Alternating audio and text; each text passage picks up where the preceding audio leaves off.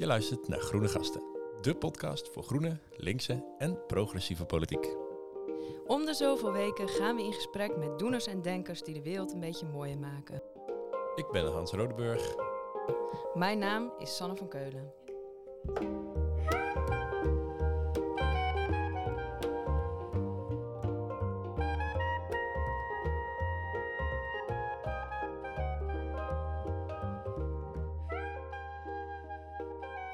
Leuk dat je luistert. Ehm, ja, je hoort mijn stem hier nou in de intro, maar helaas was ik niet bij deze opname aanwezig.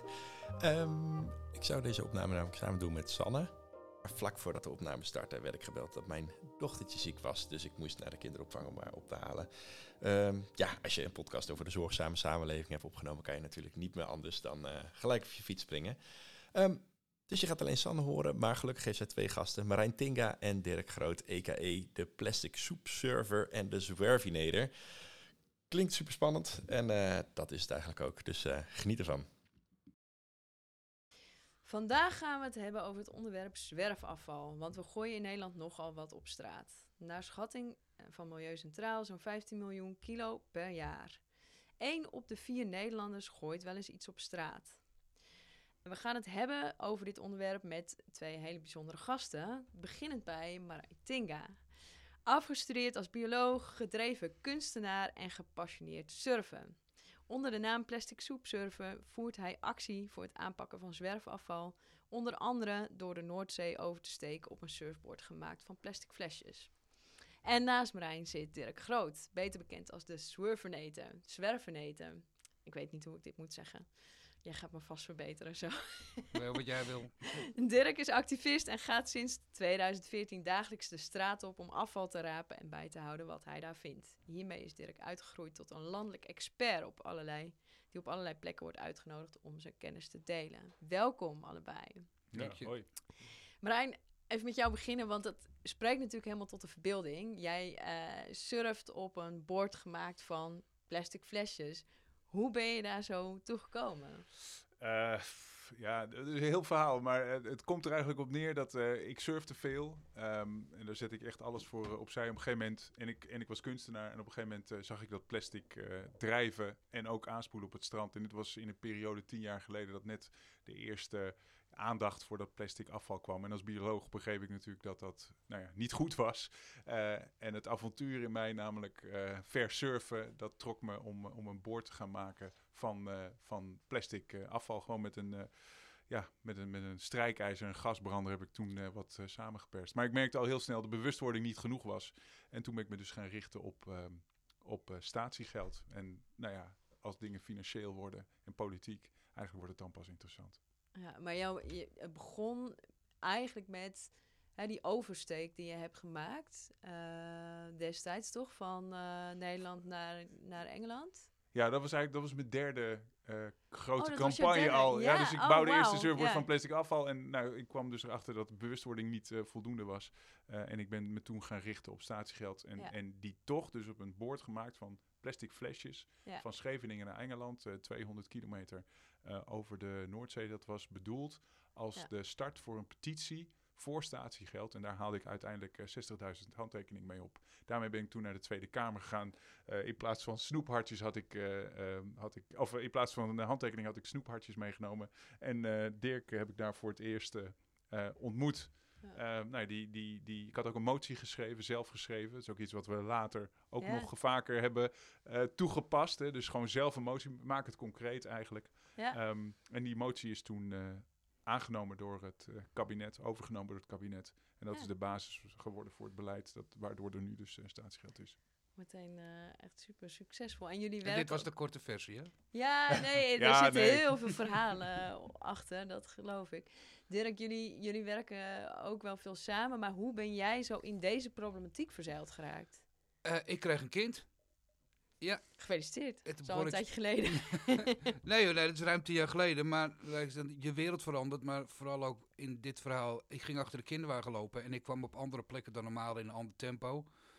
En ik begon al die troep te zien. Ik begon me eruit te ergeren. En ik begon er dingen over op social media te zetten. Natuurlijk flink in de mopper- en klaagmodus. En heel veel mensen klaagden en mopperden mee. Ja.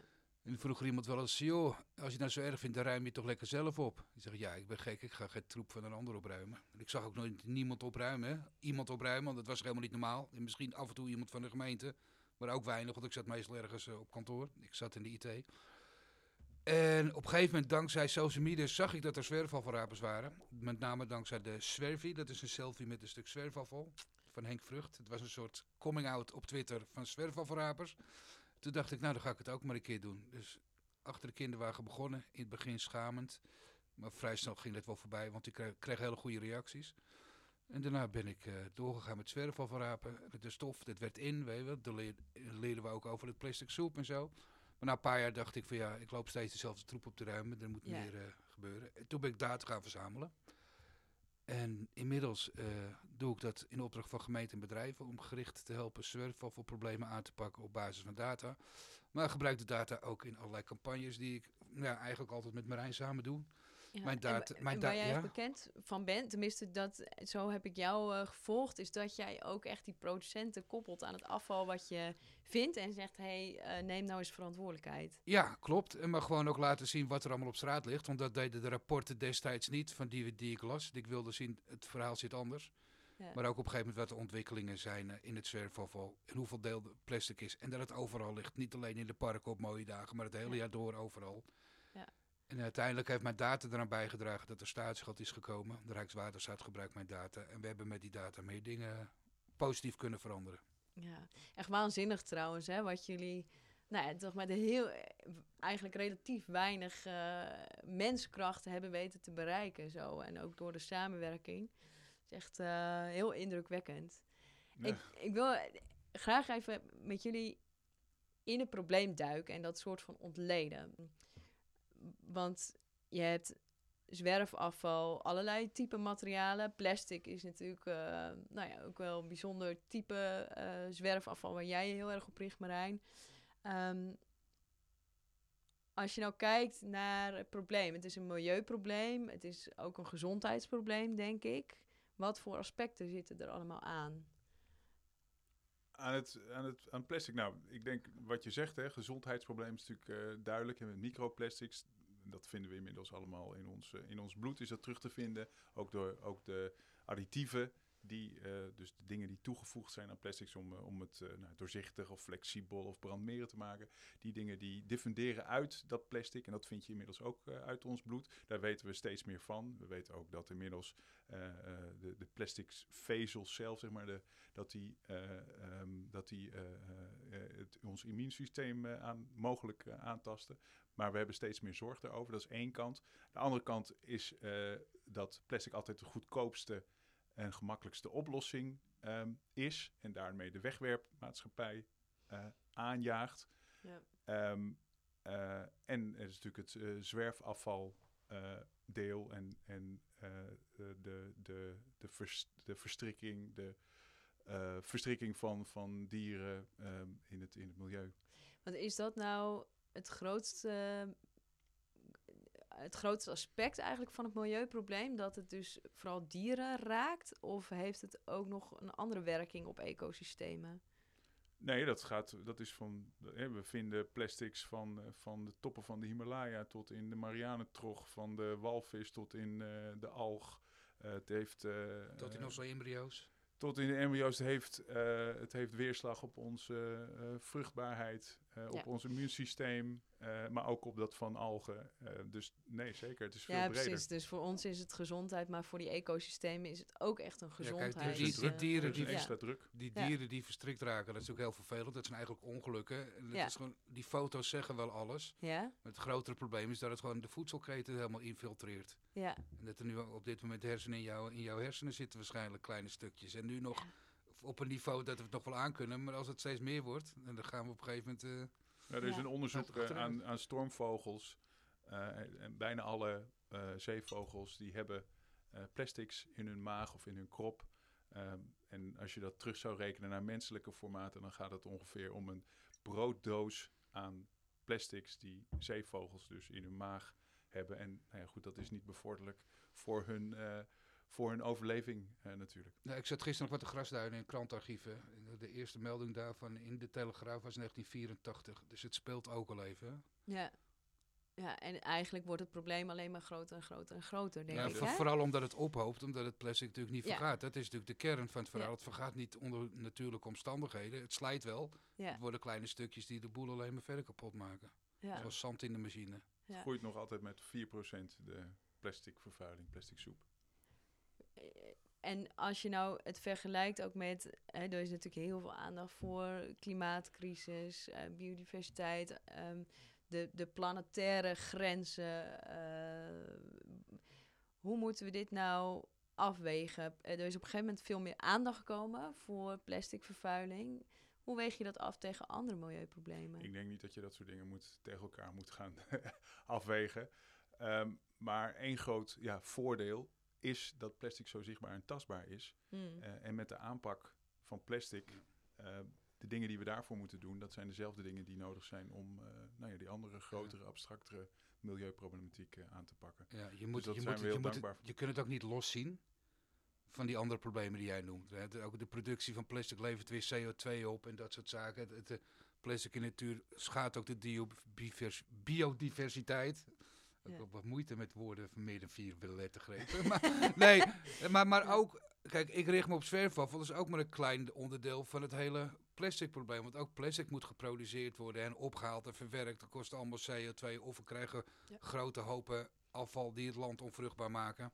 Ja. Dus het is een complex probleem. Het is, het is onderdeel van het totale natuurlijke systeem wat we aan het kapot maken zijn. En een van de dingen die we doen, en dat is dan zwerfafval. Zwerfafval is al heel oud, bestaat al heel lang. Maar vroeger was ons zwerfafval biologisch en natuurlijk afbreekbaar. Ja.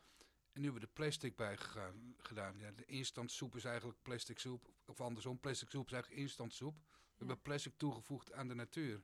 Ja. En dat levert allerlei ellende op, omdat het plastic veel langzamer vergaat dan de natuur aan kan en gewend is.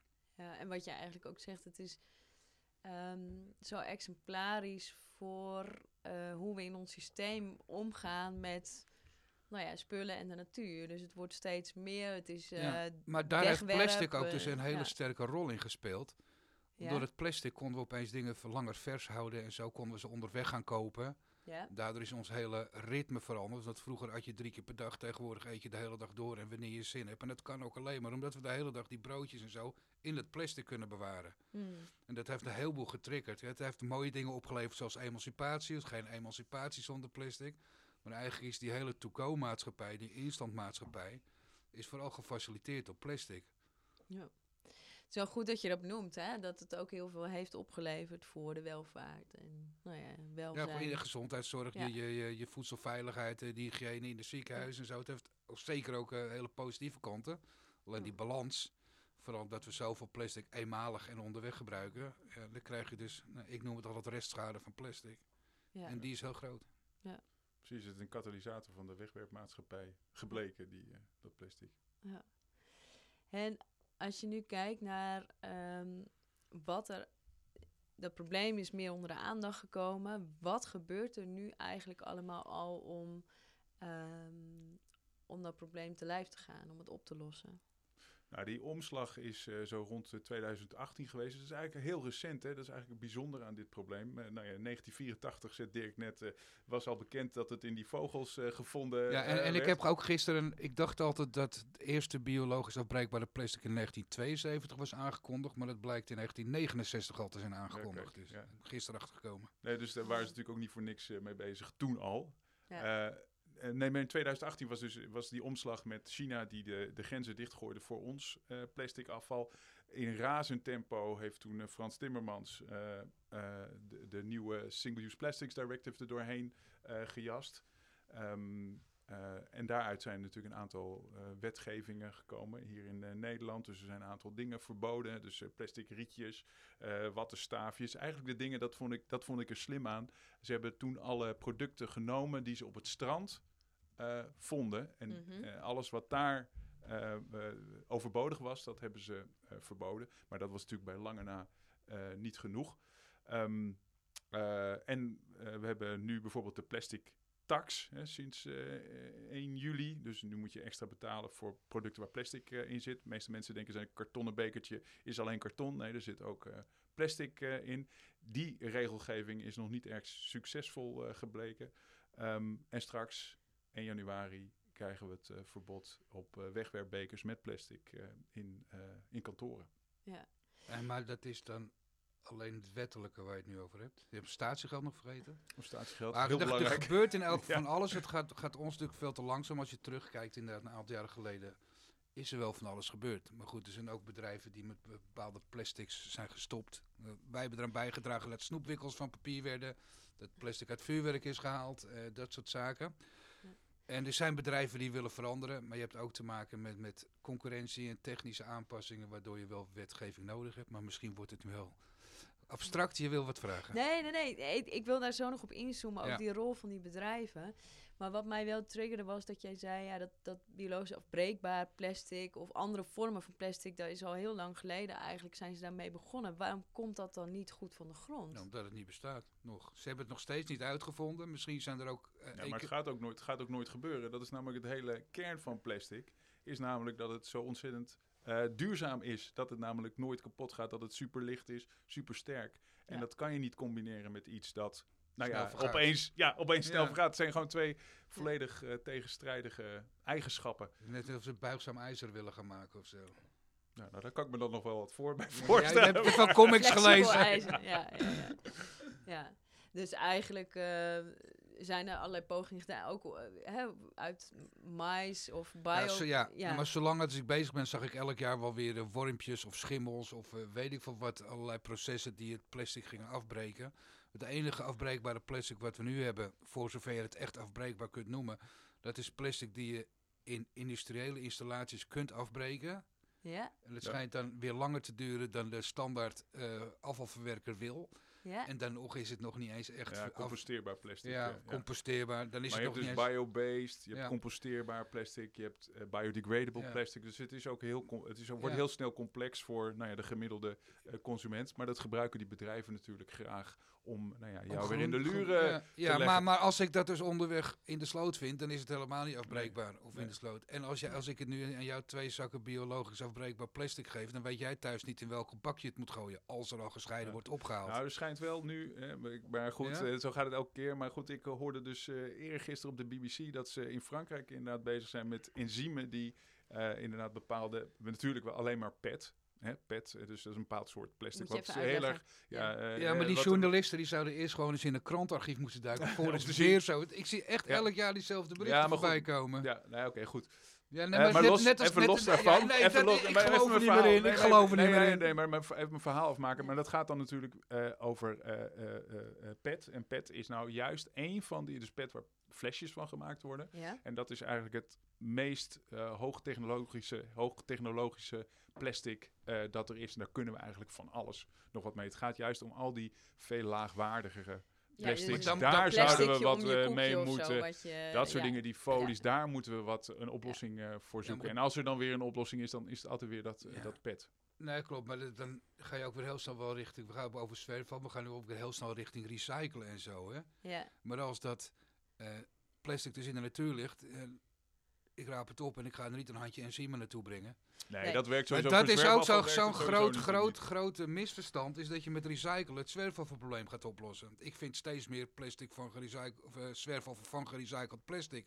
Als je het weer eenmalig plastic van maakt, ja. komt net zo hard in de natuur, het is daar even schadelijk. Dat, uh, wij noemen dat altijd zwerfafval, de strijd tegen zwerfafval en voor betere recycling noemen we dan altijd twee sporten, verschillende sporten met dezelfde bal. Ja. Maar eigenlijk is dus de conclusie die we hieruit mogen trekken dat allerlei andere alternatieve vormen van plastic, biobased of zo, dat dat eigenlijk niet, niet kan, niet van de grond komt, dus een schijnoplossing is. Ja, maar je kunt wel heel veel overbodige plastics gewoon per direct gewoon uh, uitfaseren. Ja. maar daar wordt natuurlijk wel complex hè, van wat is dan uh, overbodig. Nou, dan ga ik nu meteen door naar de nieuwe maatregelen per 1 juli. nee, goed. niet ik, heel ja. even, Dirk. Oh, sorry. Nee, sorry. Ja, ik wil heel graag naar de oplossingen die er wel zijn. En ook vooral aan de voorkant. Nog één ding waar ik even benieuwd naar was, is... Um, uh, dat las ik ergens, dat ook veel van ons afval, waaronder plastic, ook dan weer in het buitenland terechtkomt. Niet doordat het in de oceaan komt of in de rivieren, maar gewoon geëxporteerd wordt. Hoe zit dat? Nou, dat heeft gewoon te maken met de wereldhandel. Dus plastic dat uh, gelabeld wordt, dus afval dat gelabeld wordt als recyclebaar, dat gaat de wereldhandel op. En dan is eigenlijk iedereen vrij om nou ja, daarin te handelen. Uh, is het wel zo dat er steeds strenger op uh, steeds meer regelingen of wetten zijn, hè, waardoor, waardoor ehm, bijvoorbeeld afval uit Europa niet buiten de grenzen mag komen. Maar op dit moment is het zo dat als het op de wereldhandel komt, dat het eigenlijk slecht gevolgd wordt. En zo kan het zijn dat ons afval gewoon in, in, in, in, Indonesië op een vuilnisbelt terechtkomt, omdat het uh, zogenaamd uh, recyclebaar ja, en, is. En dan ligt het op de vuilnisbelt open en bloot. Precies, dan waait het eraf. Dan waait het eraf. En sterker nog, ik, dat stond gisteren een stuk in de krant. Ik was een paar weken geleden op een oude vuilstortplaats in Purmerend. Ik wist niet dat het een vuilstort was, maar door een storm zijn er al veel bomen omgewaaid. Kwam het allemaal weer naar boven en waaide het vervolgens weer de hele stad in. Vijftig jaar later, hè, dat is het afval van keurig nette mensen. Netjes ingeleverd, ingezameld en nu opeens lag het weer in de natuur. Ja. Dus als wij iets in Indonesië, Vietnam op zijn vuilnisbeeld gooien, dan komt het of nu of over zoveel jaar alsnog waarschijnlijk weer eens een keer in de natuur. Ja. Ja, ja, het is ook niet zo. Dat, kijk, er wordt vaak gedacht dat het uh, Indonesiërs zijn die het meeste afval, plastic afval uh, in de natuur laten lekken. Maar het zijn uh, de Amerikanen en de, de burgers van, de Verenigde, van het Verenigd Koninkrijk die uiteindelijk het meeste plastic ja, vervuilen ter wereld. Vanwege, vanwege die uh, handel in, in hun afval. Ik denk dat heel veel mensen dit helemaal niet weten. Dat er dus zoveel afval geëxporteerd wordt. En gewoon maar ergens uh, nou ja, in, een, uh, in een land in het zuiden van de wereldbol belandt. Ja, de, de, Europese Unie heeft nu wel een wet aangenomen dat het niet meer buiten de EU-landen of EU-zone mag worden getransporteerd. Maar ja, het is wel van, er staan geen mannetjes aan, de, aan het uiteinde van de, handhaving. En, en het ging natuurlijk allemaal, grootdeels ging het al naar Turkije, waar het ook weer uh, En waar het dan vanuit Turkije weer veel volgens naartoe gaat, dat weet je dan ook weer niet. Dat weten we gewoon niet. Ja, dus dat, dit is, ook iets veel, wat we Er is gewoon veel en te veel, veel, te veel afval. Heel helder. Oké, eh, punt 1 in de oplossingen. Afval voorkomen. Wat zijn daar de maatregelen die de verschillende actoren kunnen nemen. Dus wat voor beleid moet er komen, wat kunnen consumenten doen, wat moeten producenten doen? Ja. Grote vraag. nou, laten we even, ik, ik, toch even iets. Uh, kijk, het is niet zo dat papier altijd de beste oplossing is. Hè? Het is niet zo dat uh, als we alles in papier verpakken, dat we dan klaar zijn met het probleem. Ja, dan hebben we geen plastic vervuiling meer. Maar dan heb je ook enorme impact uh, op het milieu door CO2, door chemische vervuiling, door ontbossing. Dus het is echt niet zo dat plastic altijd de slechtste oplossing is. Alleen, het moet niet in het milieu terechtkomen. En uh, we moeten wegwerpproducten uh, niet vervangen door andere alternatieve wegwerpproducten. Dus dat, dat is één. Um, um, je vroeg uh, wat, wat kunnen we doen? Ik denk dat we als het gaat om consumenten en, en producenten, we zullen veel meer lokaal moeten produceren. We, kijk, dat plastic heeft er ook voor gezorgd dat we opeens blauwe bessen uit Kenia hier naartoe kunnen krijgen in het, in het vliegtuig. Nou, dat soort dingen, dat zouden we moeten stoppen. Er zouden, hè, je moet, je zou, een van die uh, vuistregels is dat het binnen een dag met een vrachtwagen hier naartoe te vervoeren ja. uh, is, bijvoorbeeld. Waardoor je het dus ook niet zo lang meer hoeft te bewaren, waardoor je het dus ook niet in plastic zou hoeven verpakken. Precies. Ja. Of in een herbruikbare plastic verpakking natuurlijk. En dan kom je op het volgende. Jij vroeg net, wat kan de consument of de gewone mens doen? Uh, ja, je zou natuurlijk allerlei zelfverpakkingen mee kunnen nemen. Maar eigenlijk is dat weer de oude truc die de industrie, industrie altijd heeft gedaan. We liggen die verantwoordelijkheid bij de burger neer. Ja. Je moet er gewoon terugduwen. Zij moeten zorgen voor herbruikbare, opnieuw vulbare verpakkingen en een systeem daarvoor. Want uiteindelijk is de gewone burger altijd de zwakste schakel. En dat is inderdaad, uh, ja, je kunt heel leuk je eigen tassen meenemen, is makkelijk. Maar voor heel veel producten is het gewoon niet mogelijk om zelf op een makkelijke manier uh, afvalloos te winkelen voor een gewoon iemand. Kennen dus, wel, dus er moet gewoon wetgeving komen die er ook veel meer gaat sturen, want bedrijven dat gaan dat niet. Worden. Ja. Als ze, dus ze willen wel, ja. dan, dan verandert er niks. Nee. nee. Ja. Kennen jullie trouwens goede voorbeelden van producten die voorheen in uh, wegwerpverpakkingen zaten en waar nu echt een goede oplossing is zonder plastic? Zijn die er? Weinig. Het is meestal andersom. Hè. Dingen die vroeger in herbruikbare verpakkingen zaten, zoals bier en wijn en uh, noem het flesje jenever of uh, zelfs taart. Dat zat gewoon herbruikbare gebakskistdozen. Ja. Dat is allemaal eenmalig. Alles is eenmalig geworden. Ik zou niet zo snel een goed herbruikbaar ding verzinnen. Ja, ik zit te denken even aan die uh, shampoo bars of zo. Hè? Dat je gewoon dat in zo'n kartonnen doosje of in een zakje, of hoe zeg je dat? Zo'n uh, stoffen zakje. Ja. Uh, of van die wasstrips of zo. Nou, dat doen ze, daar, probeer, daar proberen ze van alles uh, en nog wat mee. En we hadden natuurlijk al waspoeder. Een hele hoop dingen waren vroeger al geconcentreerd. Daar is juist allemaal water aan toegevoegd om het makkelijker te maken. Waarom willen die producenten dit? Waarom doen ze dit? Nou, Omdat het natuurlijk makkelijker is en makkelijker verkoopt. Ja. Dat is en je gebruikt ook steeds meer. Dat ik, eh, ik gebruik ook gewoon weer een blok scheerschuim en een blok shampoo. Je doet er ook veel langer mee dan je, je knijpt hem weer. Je hebt zo heel veel snel te veel shampoo en zo. Ja.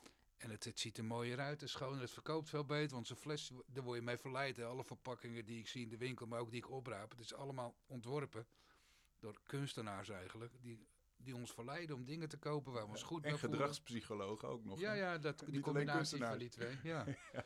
Dus, maar ik kan eigenlijk niet zo goed iets verzinnen wat jij vroeg. Ja. En, en als het al zo is, dan, dan wordt er aan de mensen gevraagd om een eigen beker of een fles mee te nemen. Ja. Of een eigen bakje.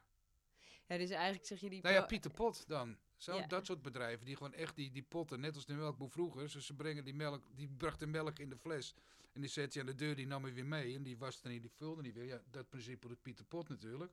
Ja, zo zijn het werkt niet voor iedereen, maar het, het is wel een goed voorbeeld, dat soort bedrijven. Ja, maar dat zijn natuurlijk allemaal ook nog wel hele kleinschalige Ja, ja maar Picnic zou het ook veel meer kunnen gaan aanbieden. Ja, of de supermarkten überhaupt. Hè? Ja. Nou ja, kijk, in een soort toekomst, zo zie ik dat dan. Uh, die home delivery, dat gemak, dat blijft uh, natuurlijk. Maar waarom wordt er niet uh, dat zo, waarom, waarom komt de picknick inderdaad niet langs met een uh, soort IKEA-la die precies in jouw la past, met precies al die herbruikbare bakjes die je vervolgens weer uh, aan de picknick of een ander of de Albert Heijn to go teruggeeft? Ik kan eigenlijk maar één echte goede herbruikbare verpakking gebruiken. Die heeft eigenlijk iedereen thuis en dat is gewoon het standaard bierflesje. Ja. Ja, want die worden gewoon omgespoeld. Het is gemiddeld 30, 40 keer of zoiets. Nou, los van het getal. Ja. Die worden dus echt gewoon omgespoeld en opnieuw gevuld. En die computer controleert met zo'n scan wel of hij nog uh, goed genoeg is. Ja. En dat is uiteindelijk het beste. Want veel beter dan die glas in de glasbak doe je hartstikke goed je best. Maar het omsmelten van het glas kost weer ontzettend veel energie. Ja. Ja, laten we daar nog even ook op inzoomen. Want voorkomen van afval in de eerste plaats is natuurlijk een belangrijk deel van de oplossing. Uh, daarvoor heb je ook, wat jij zei Marijn, uh, nodig dat je voedsel op een andere manier produceert. Uh, maar als er nou eenmaal afval is, wat zijn dan de oplossingen en de maatregelen die je kunt nemen om uh, te zorgen dat dat niet in de natuur terechtkomt, dat het gerecycled wordt, et cetera? Nou, dan ten eerste natuurlijk goede staatsgeldsystemen. Ja. We hebben nu dat op blikjes en plastic flesjes. En ik vind dus 75% minder plastic flesjes nu en 80% minder blikjes. Wat ik vind is dan voor een groot deel beschadigd, zodat ik het niet meer in kan leveren. Of het zijn plastic flesjes voor bijvoorbeeld sap en zuivel waar geen statiegeld op zit. Die vind ik nog net zoveel. Dat kan je op meer verpakkingen toe gaan passen. Bijvoorbeeld op drankkartons. Die vinden we sinds de invoering van statiegeld meer. Dan heb je het ook voor grotere drankkartons. Dus uh, grotere verpakkingen. Daar kun je heel goed statiegeld voor doen. Eigenlijk het liefst op alles met een deksel op een dop, zeggen wij. Of een dop. Ja. En ja. Oh, wil je naar hem? Nee, nee. Ik, nee, ik, ik vind het grappig. Jullie zijn allebei echt statiegeld-believers. Ja.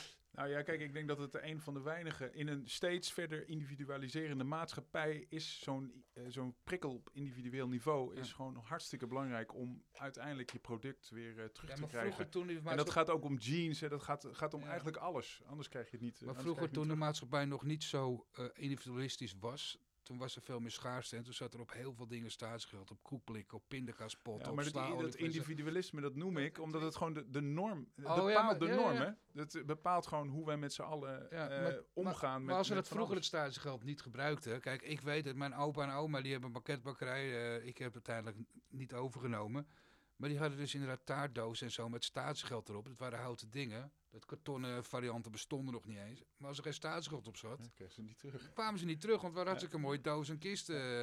Ja. Dus dat, dat werkt echt. Nou, je ziet, uh, daar wil ik nog even toch op ingaan, die, die, je ziet dus uh, wat er aan zwerfafval ligt, dat is to go. Of het grootste gedeelte is to go uh, afval.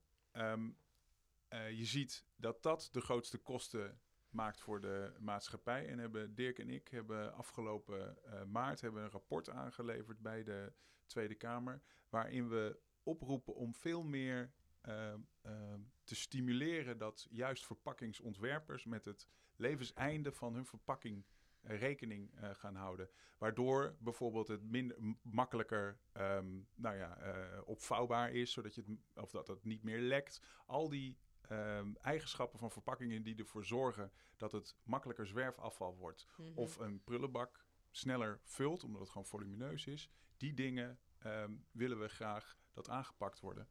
Uh, aangepakt wordt. En dat moet, dat moet gewoon financieel beloond worden.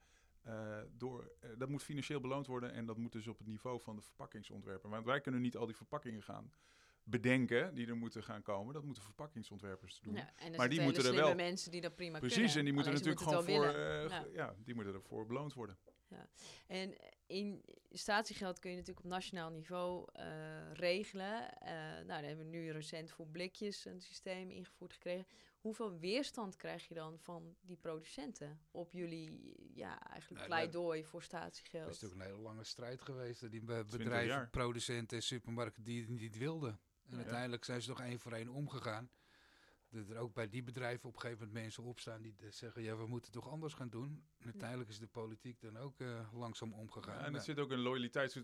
Kijk, die, die supermarkten die zijn meer tegen dan bijvoorbeeld de Coca-Cola's. Die Coca-Cola's, uh, de, de, supermarkten moeten daar ruimte voor vrijmaken in hun, uh, in hun winkel. en dat willen ze niet. Ook al worden ze daardoor voor betaald, ze hebben liever dat onder eigen controle. Um, en daarom zie je meer weerstand bij supermarkten dan bijvoorbeeld ja. bij de Coca-Cola's. Want de Coca-Cola's die zien hun merk in de, in de berm leggen en die ja. willen daar maar graag goed, die, weer, die weerstand is er dus heel ge geweest in de strijd tot het besluit uiteindelijk. Maar die weerstand is er nog steeds. Mm. Er is niks geïnvesteerd bijvoorbeeld. Er zijn bijna geen machines bijgekomen. Er wordt heel veel geklaagd. Het is best wel rommelig. Het, het afvalfonds vertegenwoordigt die, die industrie. Maar er wordt echt gewoon, ze hebben nu gisteren weer een, eh, een klein berichtje gestuurd van wat we gaan verbeteren. Van eh, wat meer machines en... Uh, maar alle verbeterpunten, we hebben echt continu van tevoren en ook op basis van mijn data verbeterpunten ingevoerd. Maar ze zijn, uh, hoe noem het, sint doof of zoiets. Uh, ze doen er nou ja, van alles aan om zoveel mogelijk steeds maar dat tegen te blijven werken. En ook om het systeem te frustreren. Want ik hoorde al dat jij wilde gaan aansturen op van ja, dan is het zo druk bij die machines of zo'n zootje. Nou, dat komt ook omdat ze dus geen nieuwe machines erbij hebben gezet. Ja. Dat als het op zaterdag druk is, gaan er wel zes kassas extra open. Maar er staat nog steeds maar die ene machine. Ja. Die steeds uitvalt, omdat er ook al binnen 20 jaar niks is geïnvesteerd in staatsgeldtechnologie. Ja. Je kunt je voorstellen dat de computers tegenwoordig alles kunnen herkennen. Ja, maar zo'n blikje, de... blikje moet je er zes keer opnieuw in doen als er een deuk in zit. Ja. En dan op een gegeven moment moet je weer op een knop drukken ja, omdat hij helemaal als je stopt. met je gekreukelde chipzak naar de zelfscanner gaat, maakt niet uit hoe je hem ervoor houdt. Hè. Dat, dat, dat doet hij altijd. ja. En, en sterker nog, ik kon bij mijn eigen supermarkt tot 1 april kon ik mijn platte flesjes nog inleveren. Maar daar zijn ze ook gewoon mordicus op een gegeven moment subiet mee gestopt. Ja. ja. die nemen we ook niet meer in. Dus ze nemen ook heel veel gewoon niet in. De, ja, dus en het, komt uiteindelijk. Het, maken voor, nee, uh, en je kan van allerlei technische dingen verzinnen. Ik kom zelf aan IT, waardoor je zo'n blikje altijd kunt herkennen. Ja. Weet je, als, als jij met je gezicht langs die super, maar oh, die scanmachine lang loopt met een bril op en een snor, dan kan hij je gezicht nog herkennen. Maar een blikje niet. Ja.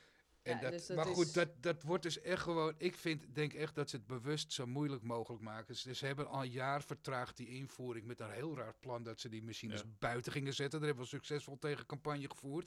Dat betekent die machines in de open ruimte en dan nog minder machines dan dat de supermarkten zijn. Dan hebben ze een jaar verloren. Vervolgens gaan ze klagen dat ze niet op tijd klaar kunnen zijn. Dan hebben ze drie maanden extra gedaan. We zijn nu een half jaar later. En, nu, nou, zeggen, en nu zeggen ze opeens, we hebben twee jaar extra nodig. Ja. En aan de producentenkant, hè, dus als je wil dat die producenten dit wel beter gaan organiseren en er ook echt in investeren, wat, uh, wat zou er dan qua regelgeving nodig zijn? Moeten zij de echte prijs gaan betalen? Of hoe, uh, sorry, nu heb, je, nu, nu heb je het breder. Ja, nu bedoel je breder? Alle verpakkingen? Nee, nee, nee. Nou, uh, in de basis gewoon hè, het statiegeld voor uh, de verpakkingen die er nu al op zitten, hoe ze dat kunnen verbeteren en daar meer in kunnen investeren. Nou ja, volgens mij wat Dirk net zegt, hè, we moeten gewoon veel meer van dat soort machines uh, hebben. Het moet gewoon dus makkelijker gemaakt Ja, maar, ja, maar ook gewoon een wortel en een stok noemen ze dat toch? Van, er zijn nu inderdaad, ze zien dat ze de doelstelling niet gaan halen. Maar wat ILT, Inspectie Leefomgeving en Transport, daar precies aan kan doen, daar zegt de wetgeving niks over. Dus dan wordt het een beetje over weer dreigen met dwangsommen. En dan gaan ze weer naar de, uh, de rechter. geen duidelijke boete. En dan, dan, komt het er nooit wat uit. De wetgeving moet scherper, maar je moet ook gewoon beloningen geven voor als ze het wel goed doen. Ik geloof dat ze in Noorwegen zo'n stelsel hebben, dat als je kan bewijzen dat je 90% inzamelt en recycelt, dat je dan je, je belastingtax voor de, die milieutax gewoon enorm omlaag gaat. Ja, zoiets bedoelde ik. Dus dat die producenten echt een, ehm, een voordeel hebben als ze dit goed doen. Ja. Of zo. Hoe zou je dat kunnen inrichten? Nou goed, wat ik zeg, weet je hebt bijvoorbeeld net als met BTW heb je verschillende niveaus. Je dus belastingschalen. Het is, niet alleen, het is natuurlijk niet alleen de producent, het is ook de... Kijk, het, het, het punt is hier dat er die belangenverstrengeling is tussen die producent en die partij die het inzamelt. En dat zijn twee verschillende partijen. Die en die zitten met elkaar aan tafel op het moment dat hun producten verkocht uh, moeten worden. Dus waar Coca-Cola in uh, de schap staat, dat is ontzettend belangrijk voor Coca-Cola. En ondertussen moet hij dan nou ja, een of andere wetgeving uh, nog aan, volg, aan, aan, gaan voldoen. Nou, die twee dingen die schuren natuurlijk enorm. Dus aan de ene kant worden er ja, enorme afspraken gemaakt over hoeveel er precies wordt afgenomen. Aan de andere kant moet er dan, ja, vanwege de wetgeving, uh, flesjes ingenomen worden. En dat kan Coca-Cola wel willen. Uh, maar als de andere partij dat niet wilt, of veel minder, ja, dan blijft het natuurlijk gewoon bijzonder eh, wettelijk, minimaal. Wettelijke eisen waar ze aan moeten voldoen zijn ook niks nieuws, hè? De hele blikjes, dat vol met allemaal dingen die van de wet moeten. En er zitten allerlei dingen wel en niet in een product. Nou ja, glas is zo'n zo'n voorbeeld natuurlijk. We hebben heel lang uh, dat de recyclepercentage van glas, dus wat je in de glasbak gooit, dat moet 90% zijn. Nou, je ziet dat dat ook al jaren telkens eronder zit. En dan gaan ze naar de Raad van State, maar dat is altijd een jaar later. En de cijfers zijn dan weer een jaar later. Dat maakt het enorm complex. En je hmm. ziet eigenlijk dat er steeds meer single-use glas uh, komt natuurlijk. die, ja. Ook, ook dat. Ik wou net zeggen, je hebt natuurlijk nu die bierflesjes ook met zo'n draaidop. En die zijn dan weer kleiner en die hoef je dan weer niet terug te brengen. Ja, ja Wat precies. eigenlijk ook uh, ja. weer en heel veel vervuiling. Pas veel later wordt dat dan weer uh, geïnspecteerd. Terwijl, aan de andere kant het staatsschatsysteem voor bierflesjes is nu wel opengesteld voor alle fabrikanten. Dus kleine brouwers kunnen er ook mee aansluiten. Maar goed, als je weet ook hoeveel nou, het gaat niet echt over zweefafval. Vanwege de, vanwege de marketing ook. Want je Kijk, wil gaat dat je flesje er anders uitziet dan de andere, want dan verkoopt het beter. Je ja. gaat niet. Ja, maar dat, dat, dat vind ik dan ook weer zo'n kul argument. Het gebruiken al die grote frisdrankfabrikanten ook voor een flesje Sprite, cola en Spa. Ja. Als het in een blikje gaat, dan heb je ook geen afwijkende vormen meer. Dat kan je gewoon tegenwoordig met de prachtigste printtechnieken. Als je de meeste flessen wijn hebben ook allemaal dezelfde vorm. En ja, er zijn bedrijven die willen dan een extra mooi label en weet ik voor wat een doorschijnend label. ja. Nou, dan, dan kan je er gewoon, je, moet, je hebt heel veel verpakkingsvrijheid en ik noem dat eerder vervuilingsvrijheid. Je kan daar veel meer eisen aan voorstellen. Maar dan kan je ook zo, als je dan toch over een wetgeving hebt van, doe jij je verpakking, je, je wijn of je bier of je frisdrank in deze verpakking, dan betaal je maar dit. Maar als jij een afwijkend iets wil, een rader voor een fles met een bolle buik of een raar even scheef hals, dan betaal je gewoon dubbele, dubbele toeslag, dat soort zaken. Nou ja, Daarmee kan je gaan sturen en dan kies je zowel de fabrikant als de consument om extra betalen om die milieudruk. Ja. ja en de volgende stap, en dat is waar ik zo net aan refereerde, de volgende stap is dat je ook uh, dus dat zwerfafval en die kosten in de openbare ruimte meeneemt in die tariefsdifferentiatie. Dus in wat er nu al bestaat, uh, aan, aan, nou ja, aan betalingen, aan belastingen, aan tax. Uh, daarin zou je dit mee moeten. Ja, want er zijn ook heel veel verpakkingen die ik niet op straat vind. Als je het hebt over de, de, de, de gevecht om zoveel mogelijk plastic, plastic te verminderen dat om het groente en fruit zit. Dat zijn eigenlijk geen zwerfafvalonderwerpen, omdat er niet zoveel mensen bijvoorbeeld met een hele komkommer of een zak spruiten op straat lopen. Ja, dat is echt dat need-to-go afval, want dat is wat je gebruikt in als je, Als je het over die fruit, gesneden fruitbakjes hebt wel, maar het gros niet. Dus ik, dat laat ik zeggen, dat zwerfafvalvraag gaat hier in Nederland voornamelijk echt over to-go. En, uh, en misschien nog heel even, want er zijn altijd uh, veel lokale politie en bestuurders ook die luisteren naar deze podcast. Uh, we hebben een aantal maatregelen besproken, ook op Europees niveau, nationaal. Wat kun je lokaal nou doen als je wethouder bent uh, op dit onderwerp? Of nou, als je raadslid bent? Wat kun je dan bepleiten? Nou, je, ik denk dat jouw instrumenten als uh, raadslid zitten in de vergunningverlening grotendeels. Hè? Dus daarin kan je heel veel verbieden of voorkomen. Dus in dit geval gaat het heel veel over herbruikbare bekers bijvoorbeeld voor, voor festivals of festiviteiten. Kerstmarkt komt er nou Kerstmarkt, dat soort dingen. Daar kan je natuurlijk al een enorme stap in zetten. Ja. Daarnaast ook de 25 meter regel. Dat elk bedrijf is verplicht dat 25 meter van de grens van zijn erf schoon te houden. Daar kun je gewoon op gaan handhaven. Maar goed, dan zit je ook alweer in het handhaven. Wat je ook kunt doen, en waar ik gemeentes ook bij help, uh, echt goed gaan kijken, wat is nou het probleem, waar is het probleem? En ik verzamel bijvoorbeeld uh, data, waar ik al voor vastleg, in kaart brengen. Dan gaan we samen met de gemeente op zoek naar um, oplossingen. En uh, de onderbuik helemaal loslaten, gewoon kijken wat is er aan de hand en waarom ligt daar veel zwerfafval. Dan zeggen de mensen die buiten werken bijvoorbeeld, ja, de stuur jongens nooit heen. Of dat is privéterrein. Dus kijken bij scholen, is het probleem daar nou echt zo erg? En kunnen we iets samen doen met die scholen, maar ook met de McDonald's of de supermarkt. Dit wordt vaak een grote de parkeerterreinen. Als je daar goed gaat kijken, uh, ook kijken waar je prullenbakken staan. Je, vaak kun je prullenbakken verminderen als je ze op de goede plek zet. Dus van eigen, ja, ik, noem, ik ben een IT'er, ik werk graag met data. Dat, dat, is ook waar ik een aantal jaar geleden mee ben begonnen om te laten zien hoe het echt zit, het zwerfafvalprobleem. Maar als je gewoon serieus gaat kijken, serieus gaat, uh, gaat uh, focussen van waar kan ik nu goed opruimen. En uh, dan, kun je, nee, dan zul je ook nog zien, er zijn heel veel mensen die graag zwerfafval rapen. Die kun je heel goed ondersteunen, die hoef je niet te sturen of te trekken. Moet je gewoon zorgen als ze een grijper willen hebben of als ze een, joh, ik kom je afval opruimen. En er zijn al heel veel gemeentes mee bezig. Ja. Maar het gaat nog steeds heel erg wel op de sigarettenpeuken en uh, de bananenschillen. Ja. kijk vooral en, ook en dat, en dat moet dat echt gewoon ook serieus kijken van wat, ja. En je, ja, je kunt ook je afval meten, gewoon in de, wat in de prullenbakken zit, wat je ophaalt en weet ik veel wat. Ja, als gemeente. Ja, kijk vooral dus ook op, uh, hier hebben we dus, uh, dus onderzoek, we hebben dat rapport, Operation Overload. Uh, ja, dat daarin, en ook een aantal aanbevelingen voor wat gemeenten kunnen doen. Lokale. Uh, Operation Overload, dat is te vinden ook op uh, jullie beide websites, Sites, denk ja, ik. Ja, en uh, surf, uh, surfinator.nl. Ja, ja, www.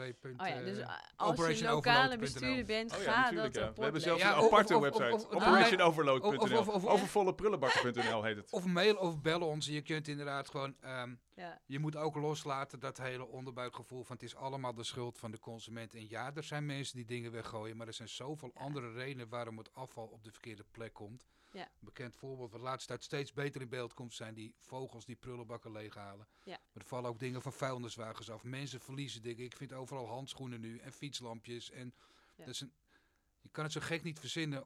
Of, hoe noem je dat? Mensen maken fouten of mensen zijn niet perfect. Ja. En als je alleen maar, wat ook vaak wordt gedaan, is alleen maar naar de jeugd wijzen. Laat dat ook maar los. De jeugd is ook opgevoed. Het is de generatie die boven je moet hebben. Ja. En we moeten alle generaties hebben. Ja.